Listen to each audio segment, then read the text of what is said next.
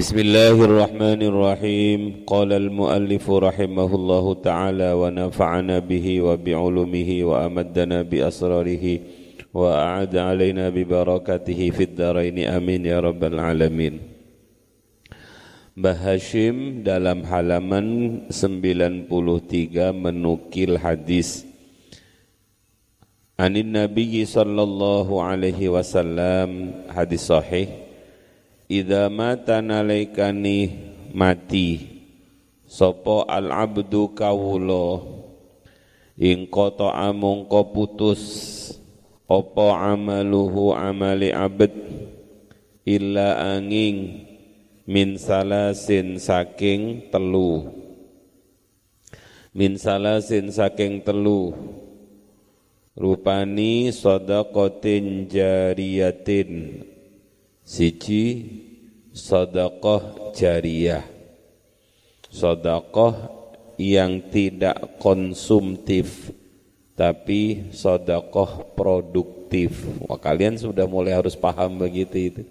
Apa sadaqah produktif itu? Sadaqah yang manfaatnya masih terus bisa diambil.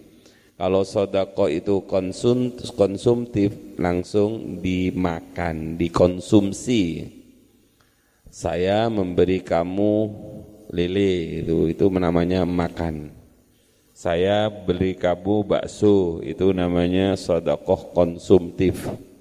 Begitu bakso selesai habis ya habis. Tapi kalau saya beri kamu rombong bakso, nah itu namanya jariah karena rombong bakso dibuat bisnis bakso. La sodakoh jariyah itu banyak banyak di keterangan-keterangan itu banyak di awal-awal kitab ini sudah saya jelaskan. Di antaranya adalah bangun masjid, bangun musola, nanam pohon di mana daunnya dimakan ulat. Nanam pohon itu sodakoh jariyah karena akan membuat oksigen menjadi bagus membuat sumur, mengalirkan air, membuat jembatan, eh, naruh Al-Quran di masjid, itu namanya semuanya sodakoh-sodakoh jariyah. Pendek kata, manfaatnya bisa dimanfaatkan oleh orang. Itu namanya sodakoh jariyah yang di mana investasi yang akan terus mengalir sekalipun kita sudah mati. Yang pertama adalah sodakoh jariyah au ilmin yuntafa'u bih au ilmin utawa ilmu yuntafa'u kang den alap manfaat opo bihi kelawan ilmu. Ilmu yang manfaatnya bisa diambil oleh orang. Awaladin utawa ana solihin kang soleh. Solihin kang soleh. Anak yang soleh yad'u kang dungaake yad'u kang dungaake sapa walad lahu marang abd lahu marang abd anak soleh yang mau mendoakan orang tuanya. Wa hadhil ma'ani as-salasah mawjudatun fi muallimil ilmi. Semua tiga ini didapati karena ada orang yang mengajarkan ilmu. Wahadihil ma'ani utawi iki-iki piro-piro. Maksud makna asala satu kang telu iku maujudatun maujud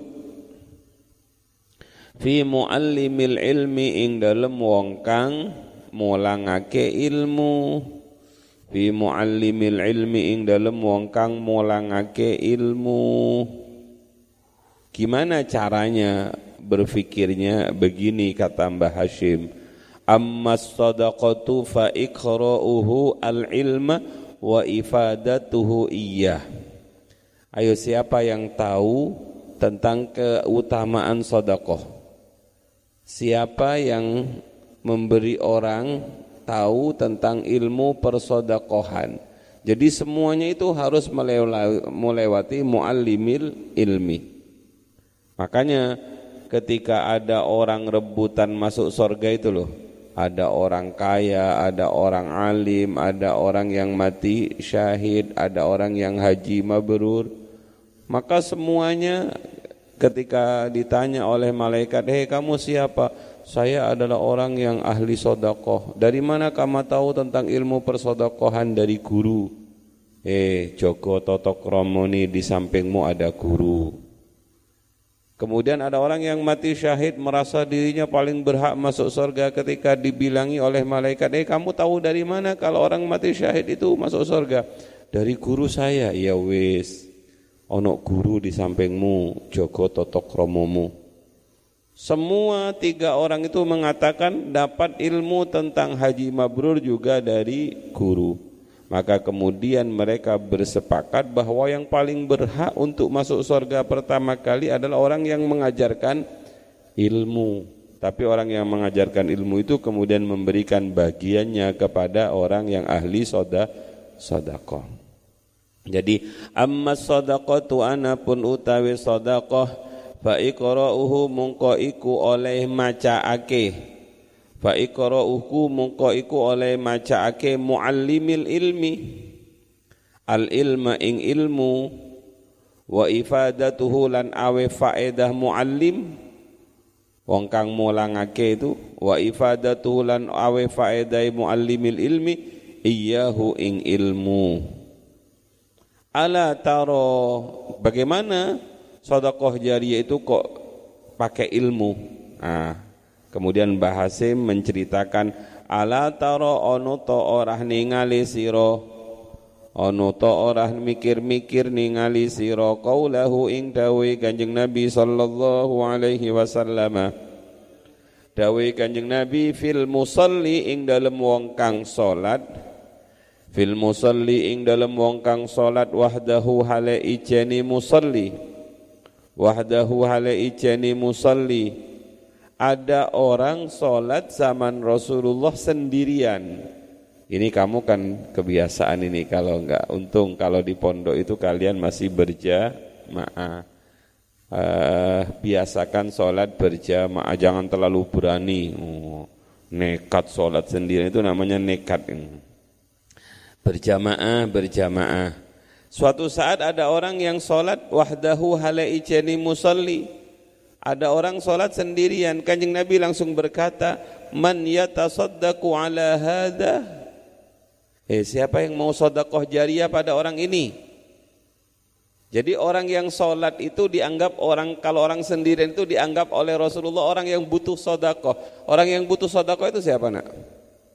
Innamas sodakoh lil fuqara wal masakin. Jadi logikanya kalau ditarik-tarik begitu orang yang sendirian sholat itu adalah orang fakir, orang miskin, butuh disodakoi. Mikiri kok koyok. Ya harus begitu mikir itu diputar-putar, jangan mikir lurus-lurusan aja. Ada orang sholat sendirian, Nabi bilang, hehe, siapa yang mau sodakoh pada orang itu? Kenapa? Orang itu butuh. Nah, makanya di sini kemudian ada orang ada pendapat yang mengatakan kalau ada orang sholat sendirian, kamu sholat sendirian, kemudian kamu masuk ke musola, di situ ada orang sholat sendirian juga, maka berjamaahlah. Sholat kamu yang pertama dianggap sholat sholat sun sunnah. Itu pentingnya berjamaah. Nabi mengistilahkan sodakoh kepada orang yang sholat sendirian. Tolong dibantu itu berjamaah dengan orang itu. Kenapa? Ben oleh tambahan input 26 yang asalnya satu menjadi 26. Saking pentingnya sholat berjamaah ai bisolati kelawan solat ma'ahu sertani musalli liyahsula supaya hasil lahu marang musalli fadhi opo fadilatul jamaati keutamaani jamaah. Jadi istilah sodako jariyah itu umum. Bahkan orang bersodako itu bisa lewat solat berjamaah. Kedua wa muallimil ilmi wa muallimul ilmi utawi wong kang mulang ilmu. Itu loh idza mata ibnu adama idza al abdu in qata amalu ila min thalasin sadaqatin jariyatin aw ilmin yuntafa'u bi. Wa muallimul ilmi utawi wong kang mulang ilmu iku yahsulu hasil ob sapa muallimul ilmi litalibi marang wong kang belajar fadilatal ilmi ing keutamaani ilmu. Allati hiya utawi allati bukan terusannya terusannya di atas itu. Allati utawi allati kang hiya utawi fadilah hiya utawi allati iku afdalu luwe utamu minas salati tenimbang salat fi jama'atin ing dalem berjamaah wayana lulan merkoleh.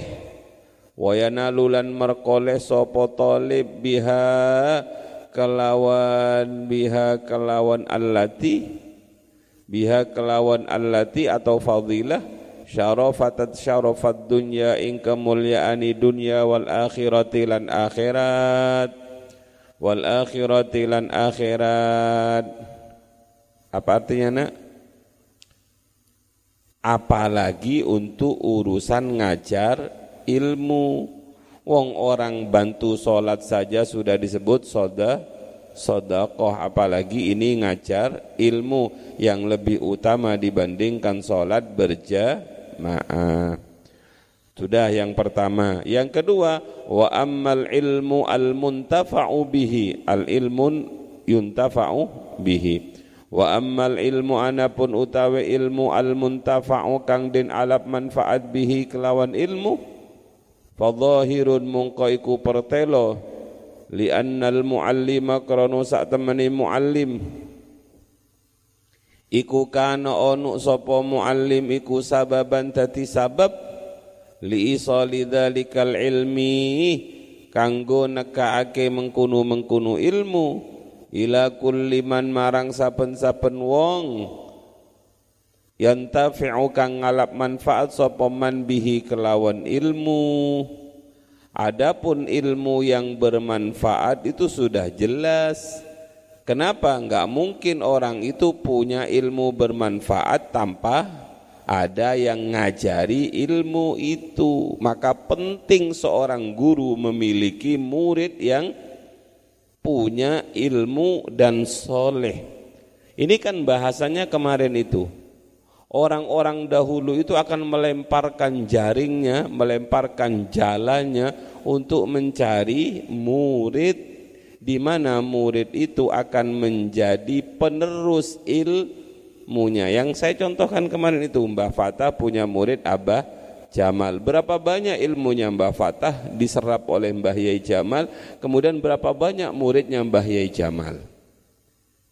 Bah Baidawi Lasam punya ilmu diambil oleh Abah Jamal. Kemudian Abah Jamal memberikan ilmu itu kepada orang lain. Contoh sederhana saya ngaji kepada Abah Jamal. Ilmu yang saya miliki walaupun sedikit ini diambil oleh orang lain. Saya ngaji hikam ke Abah, kemudian saya ngaji hikam di Surabaya, saya ngaji hikam di Malang, saya ngaji hikam di tempat-tempat lain. Ilmunya dari mana saya hikam itu? Dari Abah. Nah inilah pentingnya orang punya murid karena murid itulah yang akan meneruskan estafet tongkat ilmu kepada orang lain. Maka seandainya kiai itu tidak punya apa-apa kecuali hanya punya murid satu saja yang berilmu dan beramal soleh, maka cukup beliau sowan kepada Allah Subhanahu wa taala. Jadi penting sekali orang punya murid. Makanya biasanya kiai-kiai dahulu itu wasiatnya begitu kalian sudah boyong, boyong semua kalian nanti kan boyong-boyong-boyong. Suatu saat sowan pada saya, saya waktu itu sudah sudah tua. gitu. Sopo sampean? Anu kulo bagus misalnya ya. oh bagus bagus bagus yang sering dipanggil cak bagus itu ya oh, iya oh iya bagus uh, yang saya tanyakan pertama kali nggak akan saya tanya punya mobil berapa Gus Punya sawah berapa hektar Gus? Tidak. Yang saya tanyakan paling wis dua murid piro Gus pondoke. Oh. Yang tak takoi pertama kali nanti pondokmu Gus. Wis dua murid piro Gus? Anu bah boten kathah namung 5000. Wah. 5000. Makanya harus begitu itu harus punya cita-cita. Yang enggak harus sebesar Bahrul Ulum tidak.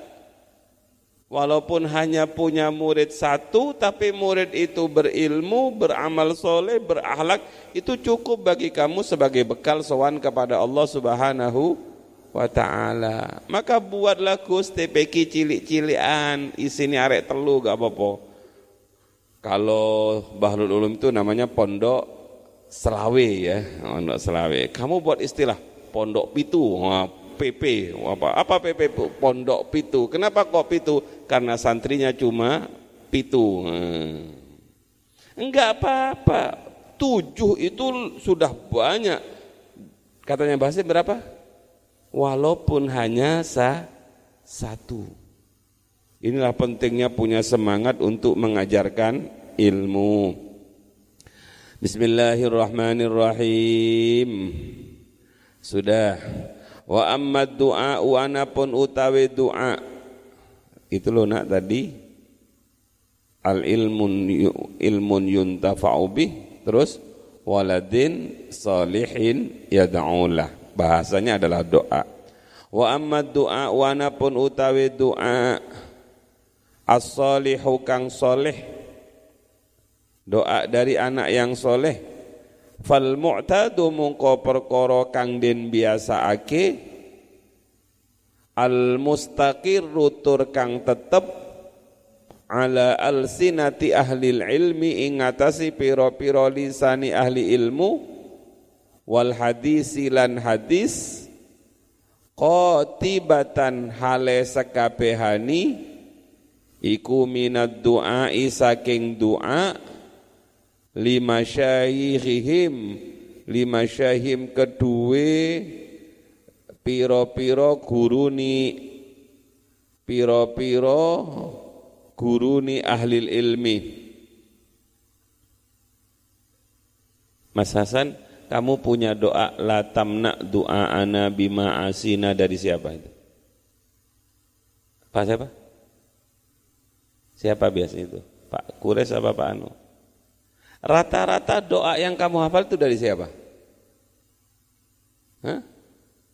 Rata-rata setiap anak yang berdoa dengan doa yang bagus itu doanya dapat dari mana? Dari guru. Saya punya doa, Allahumma anta maksuduna wa ridhaka matlubuna. Dari siapa? Dari Bahya Jamal. Saya punya doa Allahumma nawwir qulubana binuril ma'rifah wa ilmil mukasyafa wal basira wal iman wal islam.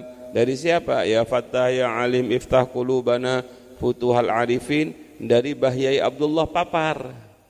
Jadi doa seorang anak terhadap orang tuanya nggak mungkin dia dapat doa itu kecuali dari lewat belah belajar. Saya kemudian punya doa. Allahumma apa ya Allahumma yassir lana hifdha kitabika wa itsbati dari guru saya Ramoyai Musta'in Syafi'i. Rata-rata doa-doa itu kalian dapat kalian pelajari dari seorang guru. Pentingnya ilmu. Maka tiga hal dalam urusan investasi itu idza matal abdu in qata amaluhu illa min salasin sadaqatin jariyatin butuh pada guru ilmu ilmun yuntafa'u bi apalagi. Terus yang ketiga waladin solihin yad'ula anak soleh dari mana kalau enggak digurukan? Kalau enggak punya guru satu. Yang kedua yad'ulah doanya itu dari mana? Ya tetap dari guru. Pentingnya punya guru. Eman-eman mundok 10 tahun habis nikah gak ngajar habis nikah wis pray. Ingat, bagus bagus toh yang Wah berat bah kalau harus bawa, kalau harus buat PP pondok pitu. Ya kalau berat ada pilihan kedua. Kalau berat itu ada pilihan kedua. Hikmat kepada pondok di samping rumahmu. Gak, gak, gak harus kamu membangun pondok karena berat mungkin bangun pondok. Tapi apa? Di dekatmu kan pasti ada madrasah. Di dekatmu ada masjid yang di situ ada TPQ. Ya di situlah kamu ngajar. Gak usah gagah-gagahan. Ini pondok Al-Bagusi. Enggak apa-apa, gak punya pondok sing penting nga, ngajar. Berapa banyak kan kiai-kiai enggak punya pondok tapi ngajar. Daripada bingung-bingung mikir bangunan, bingung-bingung mikir atap bingung-bingung. Is gak usah ngajar di sampingnya rumah pondok eh tetangga.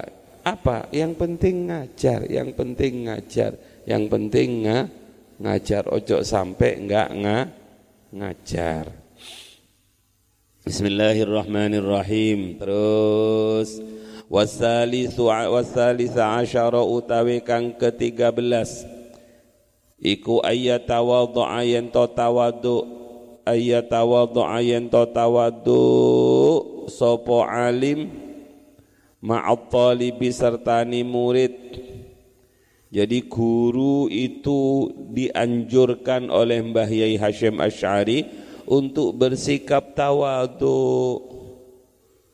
Nek guru nih gak tawadu, ia jangan berharap punya murid tawadu karena yang paling dilihat adalah guru. Maka ada istilah guru kencing berdiri murid kencing lompat tinggi. Gimana punya murid tawadu kalau gurunya takabur maka ibda binapsik fabi ghairik awali dari dirinya sendiri maka kemudian kepada orang lain. Gimana nak? Lisanul hal afsahu min lisanil makol. Profilmu, keadaanmu, potretmu, pembawaanmu itulah yang akan ditiru oleh muridmu. Saya itu enggak sombong, tapi kalau hanya urusan begini kecil bagi saya Sebentar lagi muridmu pasti akan begitu kalau ngomong dengan kawan-kawannya. Aku gak sombong, Rek. Tapi ini urusan itu tak lahap. Kenapa dia belajar dari siapa? Belajar dari guru. Jadi jangan menjadi transfer kesombongan terhadap murid. Yes. Kalau kamu tawaduk makanya bahasa mengatakan adab seorang kiai terhadap santri, adab seorang bunyai terhadap santri, adab seorang guru terhadap murid, seorang dosen terhadap mahasiswa adalah ayyatawadhu'a ma'at talib. Ayyatawadhu'a to andap asor sapa syekh ma'at talibi murid. Ma'at talibi sertani murid. Wah, ini kalau dengar ceritanya Mbah Fatah, Mbah Wahab itu asik itu. Oh, suatu saat pondok tambak beras itu lampunya mati. Mbah Fatah ngerokok. Hmm. Nuk santri ini teko, Kang, gantian Kang, ngerokok ya Kang. Gak tahu kalau itu Mbah Fatah. Kang, enak air ngerokok dewen. Eh, gantian. Sini, oh, diambil rokoknya begitu disedot kan mertek itu. Kedel, uh, kelihat wajah bapak tak lari. Ini kalau kalian ngawur ayo gak ngerti aku tangan ya Allah. Saya pernah diceritai oleh Mbah Yai Jamal tentang gurunya yang bernama Mbah Baidawi Lasem. Mbah Yai Baidawi Lasem itu senengannya pakai kaos oblong, khumul orangnya. Humul itu sederhana. Idfin wujudaka fi ardil humul fama nabata mimma lam yudfan la yatimmu nataijuhu. Benamkan dirimu dalam bumi ketawaduan bumi humul karena sesuatu yang tidak ditancapkan ke dasar bumi maka tumbuhnya tidak akan kuat. Coba lihat. Tanaman-tanaman yang ada di samping itu kalau nggak ditancapkan ke dasar bumi tumbuh biasa, kena air, kena angin, roboh. Tapi kalau akarnya nancap ke dasar bumi nggak akan roboh. Jadi orang yang takabur itu sebentar saja pasti akan roboh. Tapi orang yang tawaduk menancapkan dirinya ke dasar bumi itu nggak akan roboh-roboh. Nah, salah satu kehumulannya Mbah Yai Baidawi itu sering pakai kaos oblong, nggak pakai serban. Enggak model saiki kode gedean serban. Suatu saat ada santri baru katanya. Mau mondok di pondoknya Mbah Baidawi. Ketemu orang tua Mbah Baidawi ketemu. Mbah, Mbah, pundi pondoke Mbah Yaidawi? Oh niku Gus, niku Kang. Oh nggih. Mbah, saya turun dari delman dari dokar kan bawa tas koper dari apa dari dari kayu itu. Bah bah minta tolong bah. Angkatkan koper kulo bah ke pondok bah. Oh monggo diangkat. Yang ngangkat siapa? Bah dowi. Dikira orang tetangga-tetangga yang kuli-kuli itu diangkat. Begitu diangkat ditaruh sampun Kang. Sampun. Bah pinten bah gak usah Kang. Gak usah. Gak usah. Mugi-mugi lancar Kang mondok. Eh, amin Mbah, amin. Nah, wis mondok mondok. Uh, malamnya wayai ngaji. Uh, wayai ngaji Mbah Dawi keluar. Di depan paling depan santri baru. Uh, uh, itu kan tadi pagi yang tak suruh ngangkat. Mulai boyong saking wis ini Ya Allah, kiai-kiai dahulu itu seperti itu anak-anakku. Siapa yang mereka tiru? Rasulullah. Saya kan sering bercerita kepada kalian tentang Rasulullah yang disuruh ngangkat belanjaan perempuan itu. Nak pokoknya sampean ojo nyedek-nyedek nang Muhammad karena Muhammad itu masya Allah bukan masya Allah karena Muhammad itu penyihir. Padahal yang dibilangi begitu Nabi Muhammad. Nah itulah Nabi Muhammad. Dah ditiru oleh warasatul ambiya. Ah, warasatul ambiya itu para ula, ulama.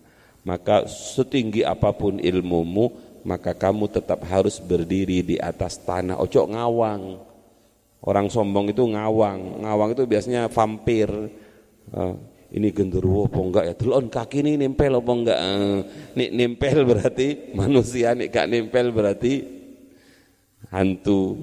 Ha ayat tawadhu ayen to andap asor sapa syai ma'at-talibi sertani murid.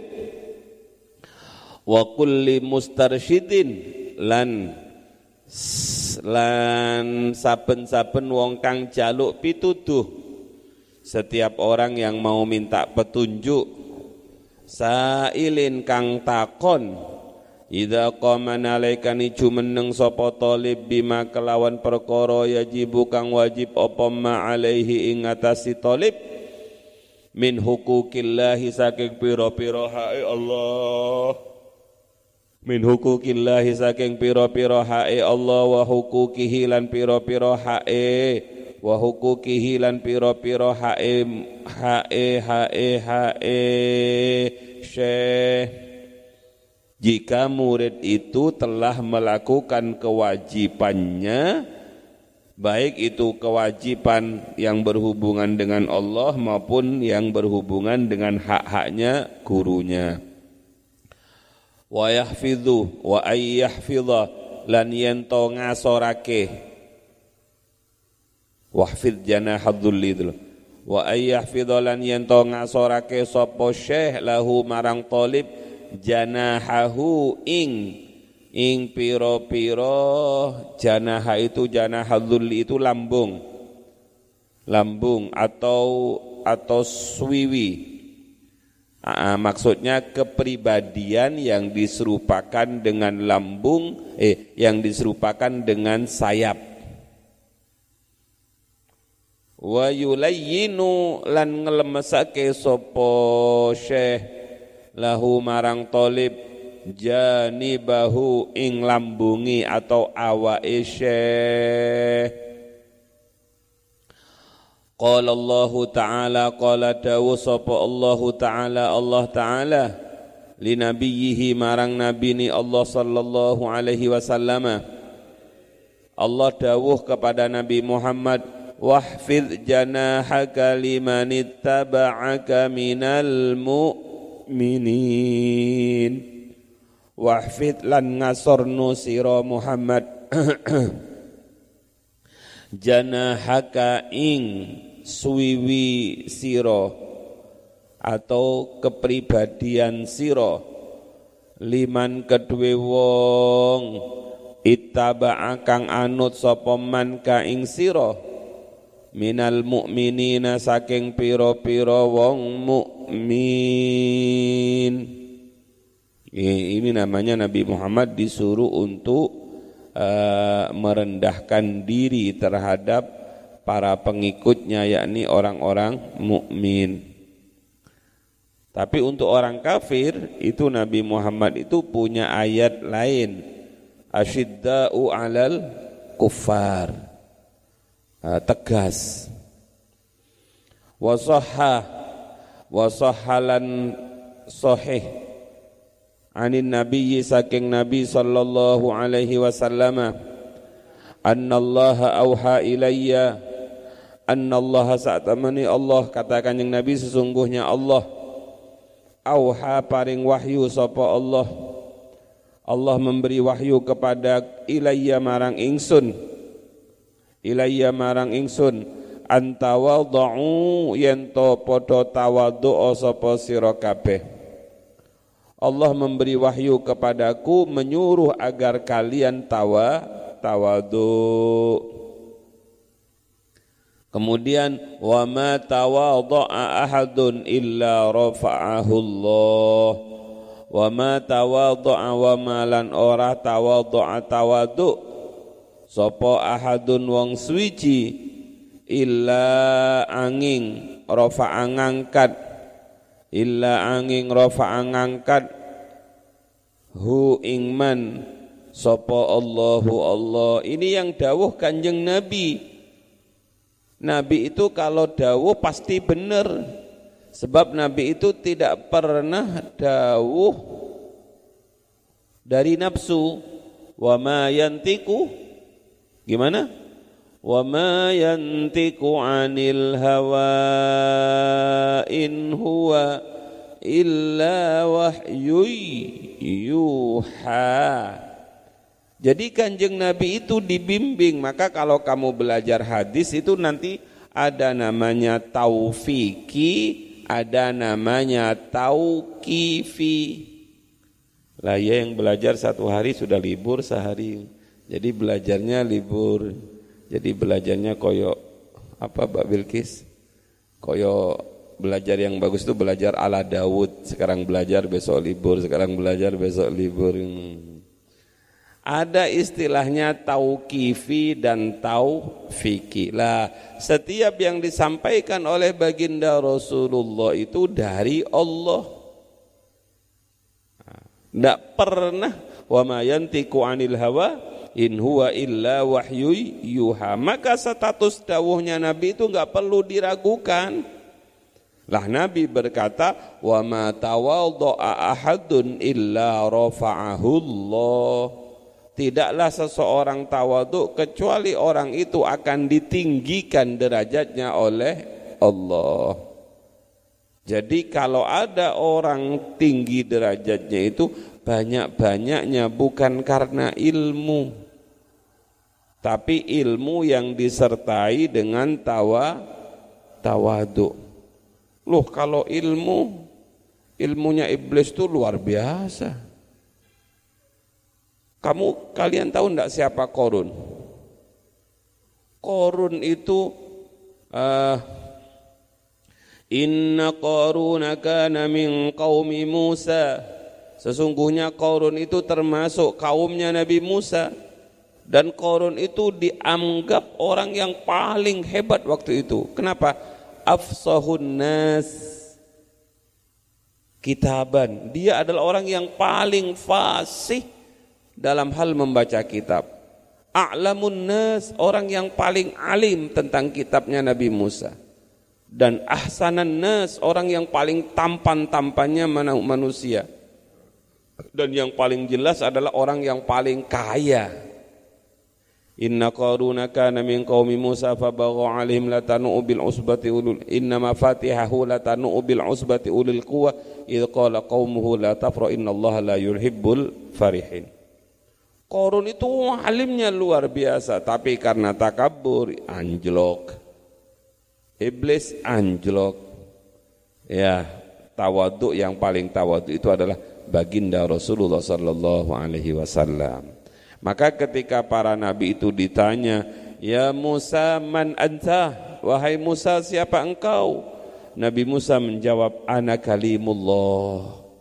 Saya adalah kalimullah orang yang diajak bicara dengan Allah. Itu wajar dan jawabannya enggak salah. Saya ditanya, "Ya Abdul Halik, man anta?" Anak Abdul Halik. Gimana? Benar enggak jawab saya? Ya Abdul Halik, Naam, man anta? Siapa engkau? Ana Abdul Khalik. Iya, man anta? Ana Abdul Khalik. Ya Abdul Khalik, man anta? Ana Abdul Khalik. Ini namanya bodoh saya menjawabnya. Wong sudah disebut ya Abdul Khalik, wahai Abdul Khalik, man anta siapa engkau? Ana Abdul Khalik. Ya bodoh saya. Nabi Musa ditanya ya Musa man anta? Ana Musa. Eh, enggak mungkin. Maka Nabi Musa mencari sifat di mana sifat itu tidak dimiliki oleh orang lain karena ini menjadi ciri khas untuk memperkenalkan dirinya. Nah, akhirnya yang dipilih adalah wa kallamallahu Musa taklima. Maka Nabi Musa mengatakan anak kalimullah salah apa benar? Sangat benar. Nabi Isa ditanya, "Waman anta ya Isa?" "Ana ruhullah." Saya adalah ruhullah. Begitu baginda Nabi ditanya, "Waman anta ya Muhammad?" "Kamu siapa Muhammad?" "Ana yatim." "Wa ana Abdullah." Saya adalah sekedar seorang anak yatim dan saya adalah budaknya Allah. Padahal istilah budak itu waktu itu adalah istilah paling Kasta paling istilah paling rendah, kasta paling rendah itulah yang diambil oleh baginda Nabi. Ana Abdullah wa anal yatim. Begitu Nabi Muhammad seperti itu wajar kalau Nabi Muhammad dianggap sayyidul anbiya'i wal mursalin. Gustinya para nabi, gustinya para rasul yang salah satunya disebabkan karena nabi adalah pribadi yang amat sangat tawadu. Ada orang bodoh tawadu itu tuh tawadu itu panjang panjang. Ada orang bodoh tawadu. Ya, apa yang mau disombongkan namanya nggak duwe opo-opo. Itu namanya nggak tawadu, jujur itu namanya. Ditanya, kamu bisa apa? Mohon maaf, kulo boten sakit nopo-nopo. Oh cek tawadu irek, tutuk tawadu iku pancene, pancene gak iso. Eh sudah bismillahirrahmanirrahim. Ayo belajar tawa tawadu, belajar dingklu. Nah, belajar dingklu. Hmm, nunduk, nunduk, nunduk. Saya diceritai juga oleh Mbah Yai Nasir. Mbah Yai Nasir itu mendapatkan cerita yang sama ketika beliau pertama kali ke Mekah berguru kepada Sayyid Ismail. Kata Mbah Yai Nasir, aku ke Arruh Ternyata saya tanya kepada salah seorang syekh yang ada di situ. Assalamualaikum, waalaikumsalam. Kulo badhe sowan bahasa bahasa bahasa Arab saya enggak terlalu canggih bahasa Arabnya. Kulo badhe sowan Syekh Sayyid. Oh iya iya iya. Badhe sowan Sayyid Sayyid Ismail. Siapa yang ditanya? Sayyid Ismail yang ditanya. Beliau mau sowan kepada beliau, tapi ini tidak setragis yang di Masya Allah ternyata beliau Sayyid Ismail. Orang kalau enggak ketemu enggak pernah tahu Mbah Yai Sahal Mahfud tidak akan mengira bahwa almarhum Mbah Yai Sahal Mahfud itu adalah seorang kiai yang jos. Seorang kiai yang luar biasa. Kenapa?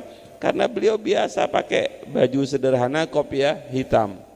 Hampir tidak pernah kalian menemukan Mbah Yai Sahal Mahfud pakai udeng-udengan begitu. saking tawa tawadui nah sudah. Wa ma tawaddu'a ahadun illa rafa'ahu Allah teruskan. Warrabi'a asyarah warrabi'a asyarah utawi kang ke-14 iku ayu khatibah yento ngomongi sopo sopo syekh kulan ing saben-saben minat talabati saking santri uh, la siyama opo maneh al fadila uh, santri kang utomo. Bima kelawan ucapan fihi kang tetep iku ing dalem ta'dimuhu utawa memuliaake kullin memuliakan kullin. Jangan sok kalau kamu jadi guru nanti ya kamu kan jadi guru kan amin kamu jadi ustad mudah-mudahan juga jadi kiai amin e, tidak perlu cita-cita jadi kiai ojo pernah manggil muridnya dengan panggilan rendah Eh, saya tanya sama Cak Bagus, saya pernah enggak manggil panggilanmu itu? Enggak kan? Bagus, saya pernah enggak manggil kamu dengan panggilan yang paling tenar itu? Enggak. Tabu bagi saya manggil Agus Bagus dengan paling saya kalau manggil Bagus itu kalau enggak ter, awas loh kalau kamu enggak terlalu serius namamu tak ganti ora bagus. Hmm. Hmm, nama bagus. Eh. Saya nggak pernah manggil panggilannya dia dengan panggilan mm, ketenarannya itu kan ada panggilan ketenarannya.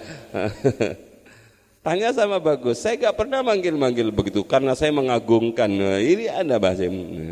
Nah, bagaimana caranya? Ta'di ta'di mahu ing memuliakan kulun. Murid-muridmu kamu muliakan. Nah.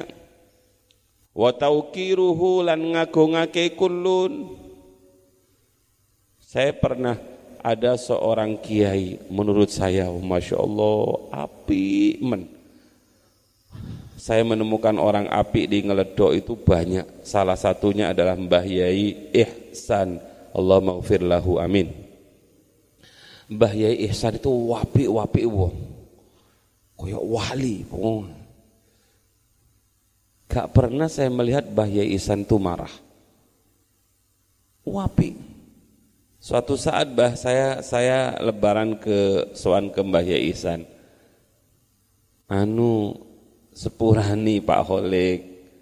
Oh nggih Yai. Oh nggih Yai kok minta sepuro nang aku. Nggih Yai wonten dawuh. Aku itu nik manggil anak jenengan Mas Husen ya. Mas Husen, Mas Musa, itu tak panggil bukan Mas Husen, tapi Yai Husen, Yai Musa, anaknya Gus Rofik siapa? Yai Najat dipanggil Yai Ya Allah ketemu juga di sini kan saking mengagungkannya jadi guru itu sudah manggil muridnya itu dengan panggilan-panggilan yang agar muridnya itu punya keinginan seperti itu. LOL kamu kok LOL L? Gak jangan. LOL betul nanti. Kalau dia jadi LOL siapa yang salah? Gurunya yang salah panggil dengan panggilan. Apa itu nak? Uh, fi bima fihi ta'dhimuhu wa tauqiruhu wa yunadi lan manggil sapa syekhi ing kullun bi ahabbil asma'i ilahi ayo sekarang dirobah Ojo manggil konconi dengan panggilan yang panggillah bi, ahab, bi ahabbil asma'i kelawan luwe din seneng-senengi piro-piro jeneng ilahi marang kulun saya dulu wah, ini di santri tapi santri itu kadang-kadang begitu ujian mental ya, ya. yang kadang-kadang gak popo kadang-kadang untuk ngetes mental. Dulu di Al-Fatah itu Masya Allah panggilannya itu rata-rata semua punya panggilan. Ono yang dipanggil takir. Saya tanya si si si anu saya pengen ketemu si A ini. Oh nggih kir takir ditimbali abah takir. Takir. Tak takoi. Nak lapo sampean kok dipanggil takir? Anu bah biasa nih kulo niku ni ngaji teng kampung-kampung. Kan kalau malam Jumat anak Al-Fatah ke kampung-kampung ya ngaji itu loh ngaji tibaan di musolanya ini di musolanya ini di musolanya ini. Itu dulu tradisinya Al-Fatah hubungannya dengan masyarakat. Terus setiap ada jajan lebih niku kalau bungkus pakai nopo niku? Pakai daun. Akhirnya kalau terkenal si takir. Kenapa? Karena dia setiap pulang membawa takir yang isinya uh, jajan lebih-lebih itu.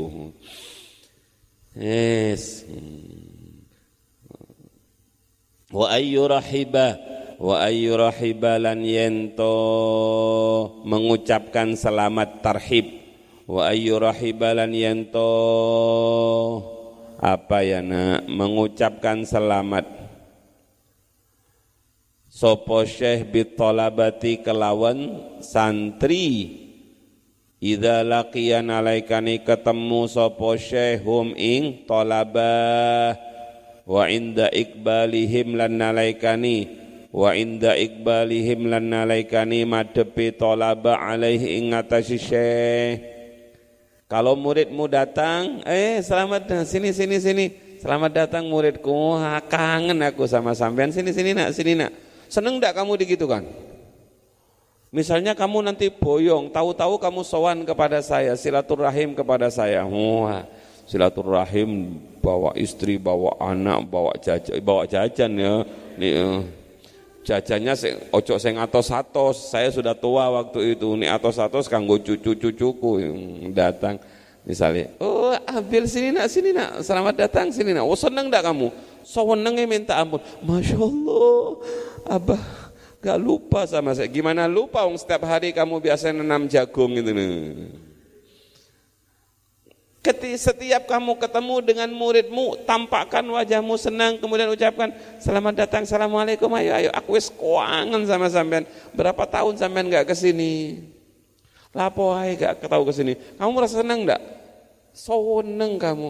Ya Allah ternyata awa-awaan yang biasa melanggar itu dikangeni oleh apa padahal enggak itu basa basi itu kadang-kadang ya, ya enggak kangen betulan paham ya ketika muridmu datang sambut eh yang paling bagus tuh sekolah itu TK itu loh TK TK TK tahu enggak TK saya kalau ngantar anak sama Mas Husain kalau ngantar adikmu Bilkis kalau ngantar adikmu gimana guru-guru TK itu Ketika Mbak Saro datang, Assalamualaikum Mbak Saro, Mbak Saro pinter.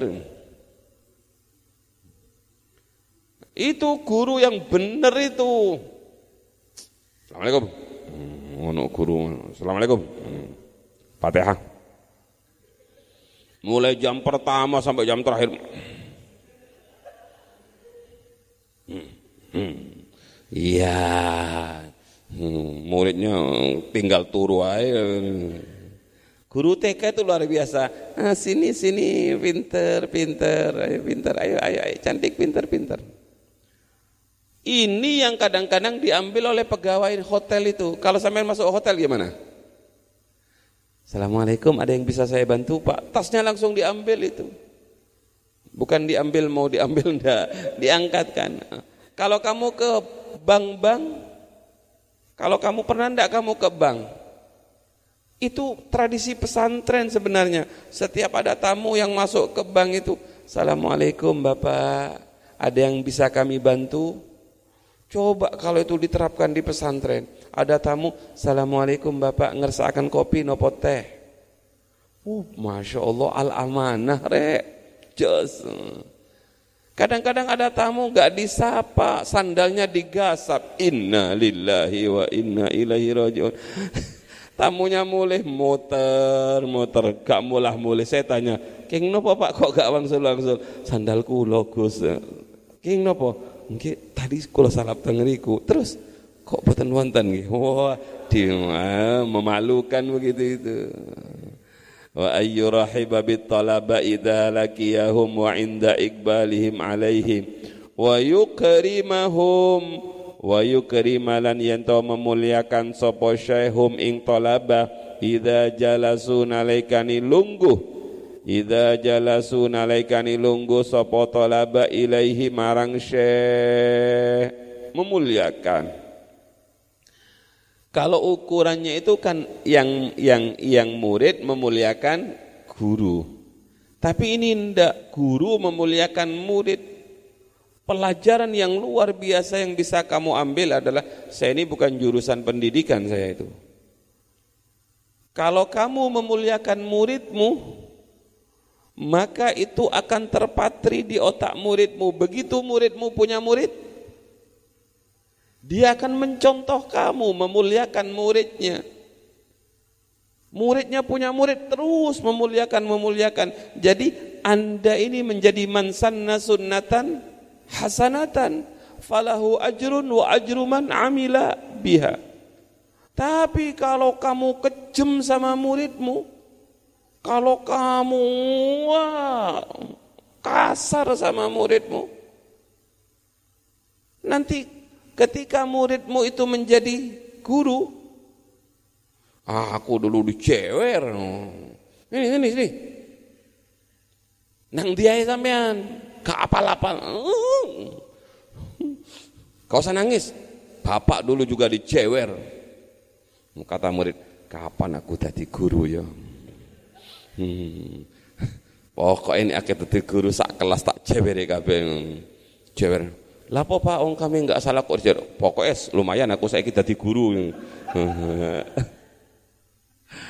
Aduh, apalagi di tingkat MI jangan nak, jangan. Dulu ada di tingkat MI itu ada yang ditempeling, ada yang tarik kupingnya. Ada suatu saat Romuye Saladin. Itu tuh Romuye Saladin, adiknya Yai Saladin namanya Ah Gus As Ahmas ya. Dulu masuk MI. Salah seorang guru akhirnya dicewer. Hmm, besok gurunya itu abu tangannya begini. Karena telat menjewer. Hati-hati ini wali yang dijewer. Is Bahasim. Wis sudah pakai konsepnya Mbah Hasim. Mbah Hasim itu nulis kapan? Kemerdekaan dulu. Sudah seperti ini hebatnya adabul alim wal muta'alimnya Mbah Hashim. Enggak usah kamu niru-niru cara mendidik menurut Wah, sudah ikut Mbah Hashim saja. Kenapa? Kalau ikut Mbah Hashim karena Mbah Hashim jelas menjadi guru yang berhak berhasil. Salah satunya wa yukrimahum idza jalasu ilaihi. Apa artinya nak? Kalau ada murid duduk, kamu panggil. Sini, sini, sini. Ya sini, sini dekat. Seneng enggak kamu? Misalnya kamu bertamu, saya misalnya bertamu kepada Mbah Yai. Eh, eh sini, sini mas, sini mas. Nang, nang samping, mas, oh, sampun. Uh, wes lah di sini, eh ngopi bareng. Uh, sangat seneng saya. Pulang itu pasti terkesan-kesan. Ya Allah, betapa hebatnya kiai itu betapa tadi saya dimuliakan. Itu pernah loh terjadi pada zaman Rasulullah. Suatu saat Rasulullah ngaji begini ini. Tiba-tiba ada santri di belakang sahabat dipanggil oleh Rasulullah, "Kang Kang sini, duduk samping saya." Padahal di depan ini adalah sahabat hebat-hebat anak-anakku. Akabirus sahabah, pembesar-pembesar sahabat. Tapi ada seorang pemuda didudukkan di samping Rasulullah. Maka para sahabat itu mikir-mikir, apa kehebatan pemuda ini? Kok tiba-tiba didudukkan di dekat Rasulullah mulia mengalahkan mulianya yang lain. Begitu selesai, Rasulullah tahu. Selesai pelajaran, kalian kayaknya penasaran ya kenapa si fulan saya dudukkan di sini? Enggih ya Rasul. Kata Rasulullah, karena fulan ini adalah orang yang paling banyak membaca solawat kepadaku. Wah sahabat itu bertanya-tanya, Piro sih? Piro sih? Karena rata-rata sahabat itu solawatnya banter-banter, ake-ake. Berapa kamu baca solawat? Ah, kata Rasulullah, bukan hitungannya tapi pemuda ini membaca solawat yang amat sangat banyak. Salah satu isinya solawatnya begini. Allahumma salli ala Sayyidina Muhammad adada man salla alaihi. wa salli ala sayyidina Muhammad adada man lam yusalli alaihi. Berapa itu hitungannya? Saya membaca solawat kepadamu ya Rasul sejumlah orang yang bersolawat dan saya bersolawat kepadamu ya Rasul sejumlah orang yang tidak bersolawat. Jadi baca solawatnya satu ingin dihitung sebanyak makhluk. Ini namanya solawat cerdas ini. Ada tahlilan cerdas tuh. Subhanallah adada ma khalaqallah Subhanallah adada ma khalaqallah Apa artinya nak? Baca tasbih kepada Allah tapi pengen di, dihitung adada ma khalaqallah sejumlah makhluknya Allah piro makhluknya Allah. Berarti kamu besok boleh ngarang salawat. Subhanallah sejumlah daun-daun di samping masjid. Subhanallah sejumlah paving yang ada. Siapa yang mau ngitung paving? Ya gak usah begitu, kamu itu ngau ngarang. Yes. Eh terakhir terakhir. Subah gimana coba subhanallah. Bareng-bareng. Subhanallah.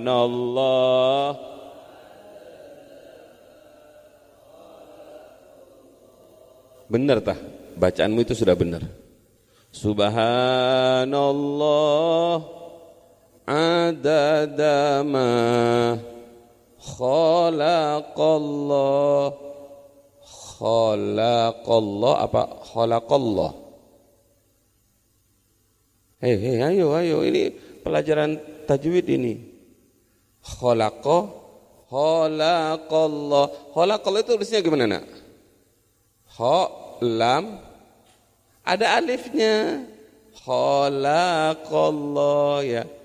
Yang betul Subhanallah adada ma khalaqallah. Apa? Subhanallah adada ma khalaqallah. Benar yang mana? Benar yang mana? Benar yang kedua. Yang pertama itu salah karena kebiasaan. Ya. Khalaqallah Nah, makanya kita pernah sowan ke Yai Bunyamin. Sering la ilaha illallah. Benar la ilaha illallah. Salah menurut TPQ. Yang betul itu la ilaha illallah. La ilaha illallah. Tapi karena kita la ilaha illallah, karena ini dari Madura pakai la ilaha illallah.